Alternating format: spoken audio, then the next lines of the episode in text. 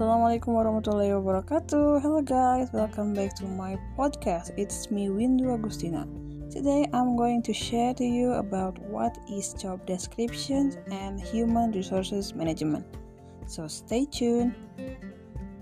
Okay, the first one is job description. Siapa yang tidak pernah mendengar istilah job desk?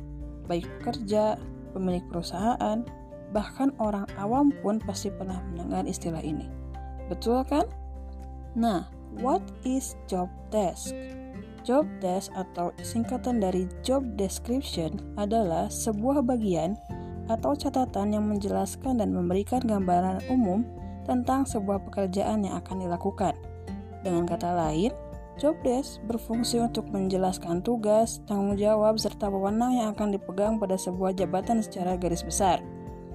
Nah, cara membuat job desk yang baik apabila dilihat dari kerangka yang lebih luas, proses penyusunan job description akan selalu melibatkan lima elemen penting ini, yakni spesifikasi pekerjaan, akuntabilitas, tugas dan tanggung jawab pekerjaan, ringkasan atau maksud pekerjaan, serta identifikasi pekerjaan. Kelimanya berada dalam satu garis linear sehingga orang yang berniat menyusun job desk harus memahami kelimanya terlebih dahulu. Yang pertama yaitu spesifikasi pekerjaan. Step pertama adalah dengan mengetahui apa saja spesifikasi pekerjaan yang harus dimiliki oleh semua posisi atau jabatan.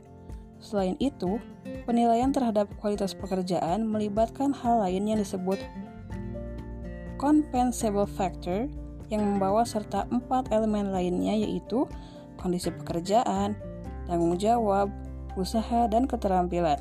Dan keempat elemen ini wajib dijabarkan secara spesifik. Yang kedua ada akuntabilitas atau accountability. Ini mewakili sejumlah pengetahuan dan tanggung jawab dan berkaitan dengan kebijakan perusahaan, keputusan, produk, dan setiap tindakan yang diambil.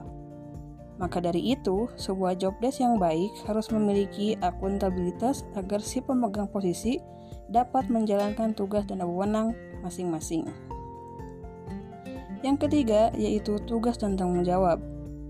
Di titik ini, ada standar tertentu yang digunakan untuk mengukur kinerja yang pada gilirannya dipakai untuk menggambarkan hasil akhir yang sudah dicapai.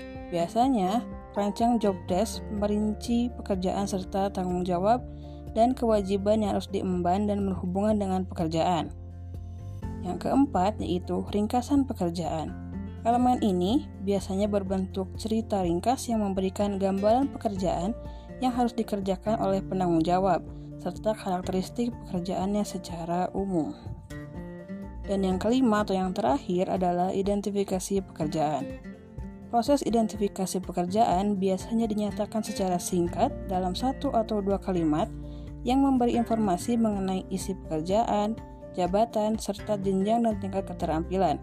Itulah kelima elemen penting dalam penyusunan job description. Nah, selanjutnya adalah mengenai Human Resources Management atau HRM. Apa itu? Human Resources Management itu sendiri adalah suatu cara yang dibuat untuk mengatur sumber daya atau tenaga kerja yang ada dalam perusahaan.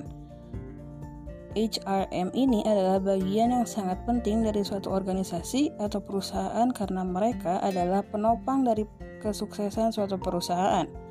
Tugasnya adalah mengurus segala sesuatu yang berhubungan dengan tenaga kerja, mulai dari perencanaan SDM atau sumber daya manusia, rekrutmen dan seleksi, pengembangan, performance management, penggajian, hingga menumbuhkan hubungan industrial.